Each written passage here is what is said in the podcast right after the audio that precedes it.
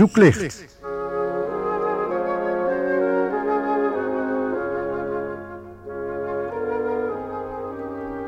Zoeklicht, een programma van de Stichting Adulam in Curaçao. In ons vorige programma hebben we samen nagedacht over de crisis en die een echtpaar in hun huwelijk hadden. En die wilden bespreken met de christencounselor Larry Krep. En nu wilden we daar verder over nadenken. Dit programma, wat eigenlijk een voortzetting is van de programmaserie Op weg naar het licht, handelt speciaal over het thema vergeving, maar ook over het vergeten van aangedaan kwaad. En dat is een uiterst belangrijk gegeven. Willen wij dat wel? Over deze wilsdaad, die iedere christen in zijn leven zou moeten kennen, daar handelt dit programma over.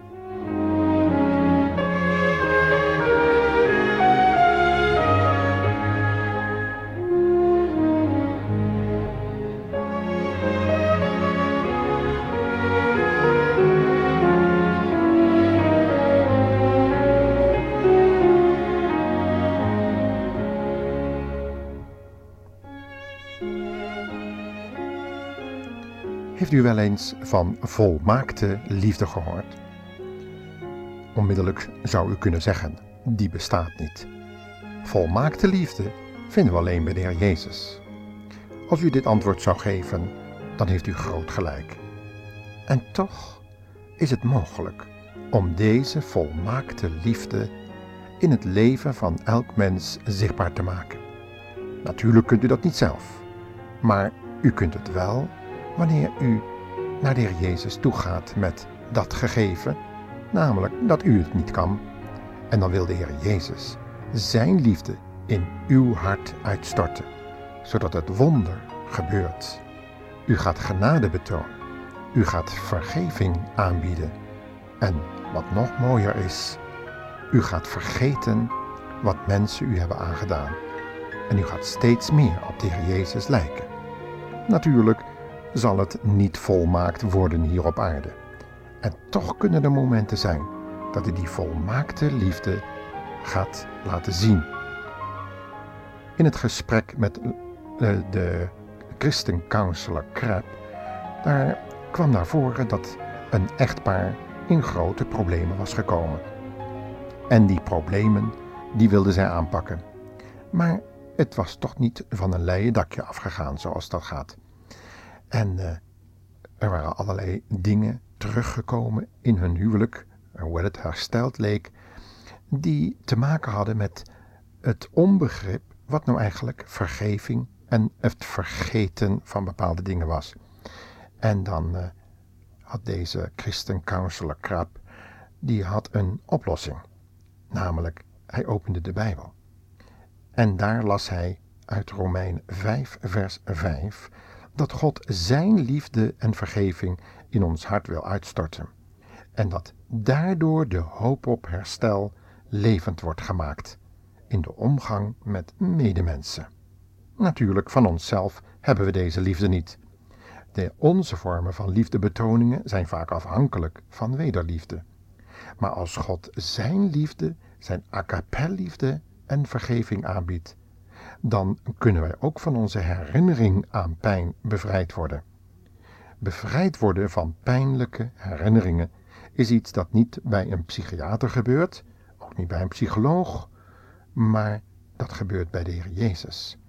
Hij verlost u van pijnlijke ervaringen en geeft ervoor in de plaats medelijden, barmhartigheid, vrede en bovenal zijn liefde in Jeremia 31, vers 34.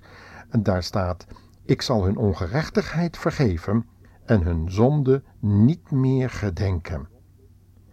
Dat is wat van God gezegd wordt. Maar de Heer Jezus heeft gezegd dat Hij ons naar Zijn beeld wil veranderen. En dat God het beeld van de Heer Jezus in ons leven terug wil zien. Dat kan door middel van bekering en wedergeboorte.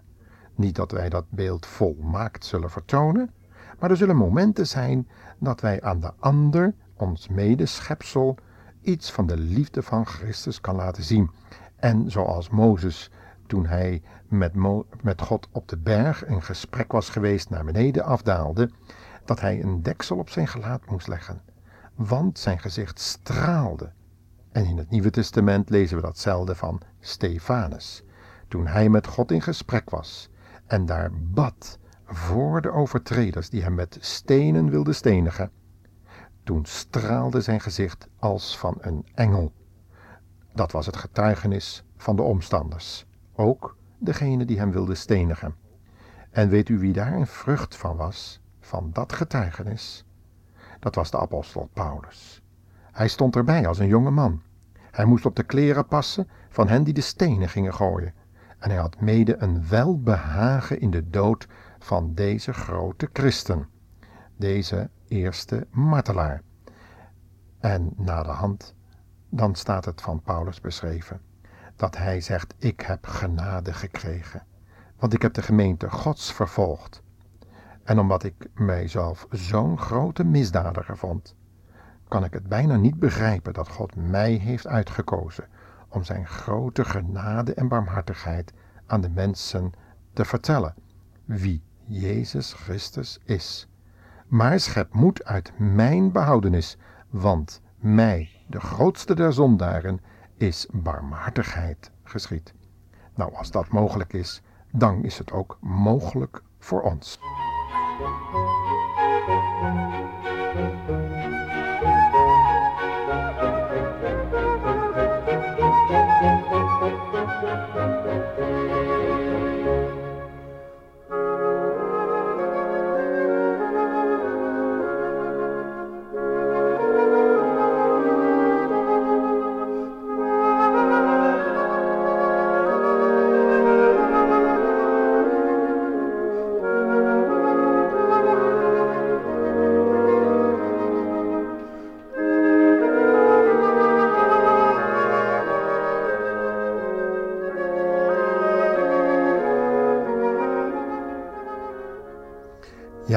We zouden dus kunnen zeggen: het is volmaakte liefde die God aanbiedt.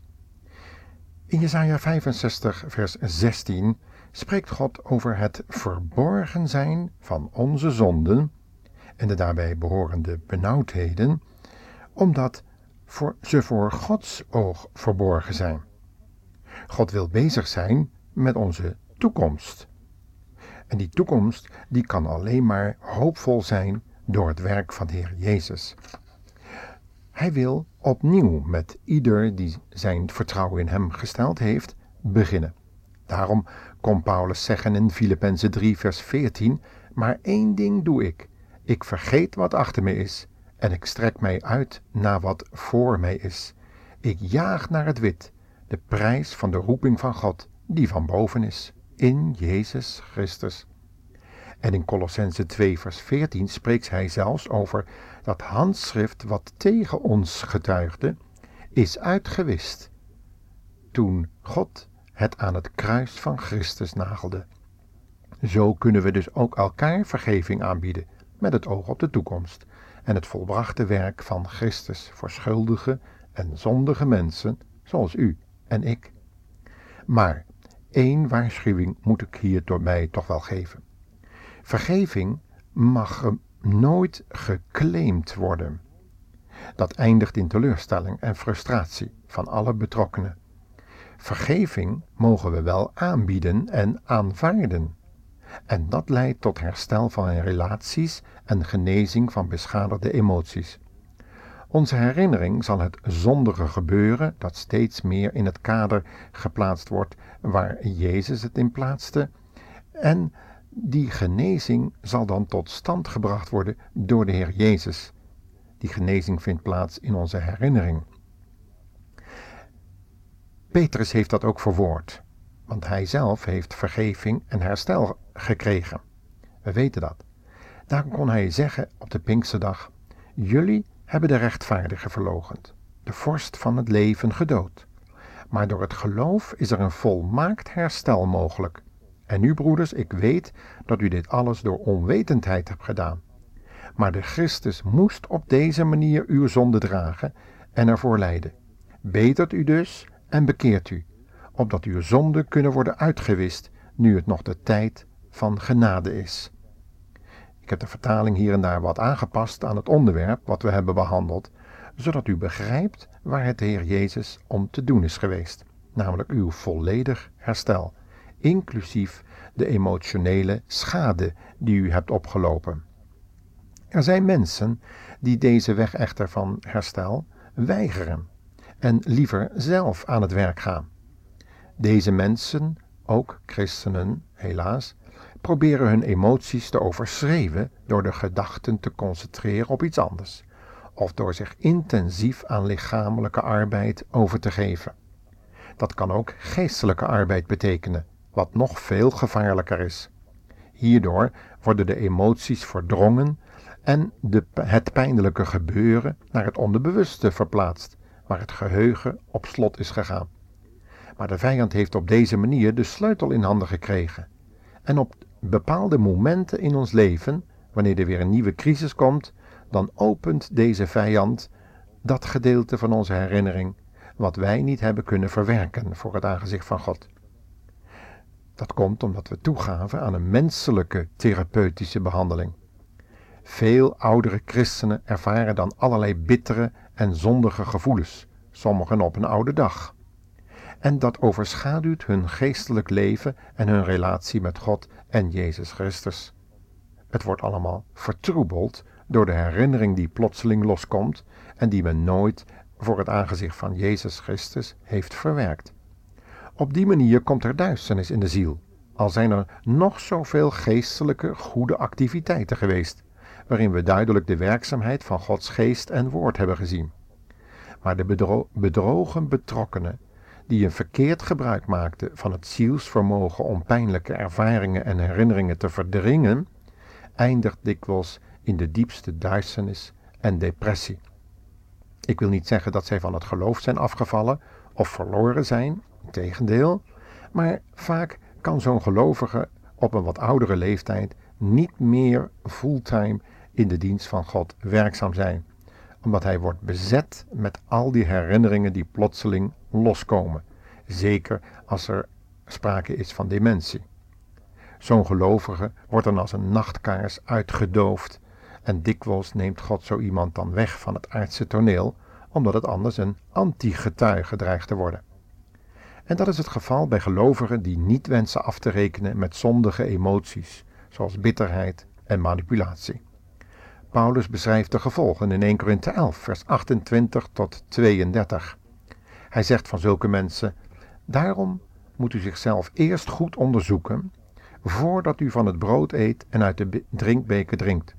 Want wie eet en drinkt zonder rekening te houden met de diepe betekenis van deze maaltijd, haalt Gods oordeel over zich. Daarom zijn er zoveel zwakken en zieken onder u en zijn velen al gestorven.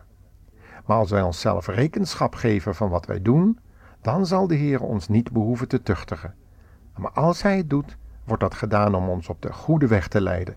Anders zouden we met de wereld worden geoordeeld.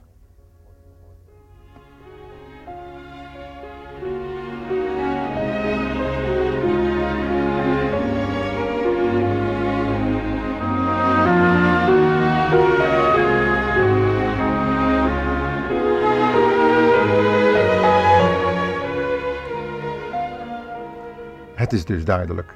Er is een volkomen weg naar herstel. Ook tussen relaties. Wat er ook in het verleden is gebeurd. Maar dit herstel kan alleen plaatsvinden wanneer we bereid zijn onszelf geheel toe te vertrouwen aan de Heer Jezus en Zijn genade. Een kleine illustratie uit het leven van Jozef. We vinden dat in Genesis 50. En daar lezen wij namelijk dat de vader van Jozef en zijn broers gestorven was. En nu dachten ze, nu gaat Jozef ons straffen voor datgene wat wij hem hebben aangedaan.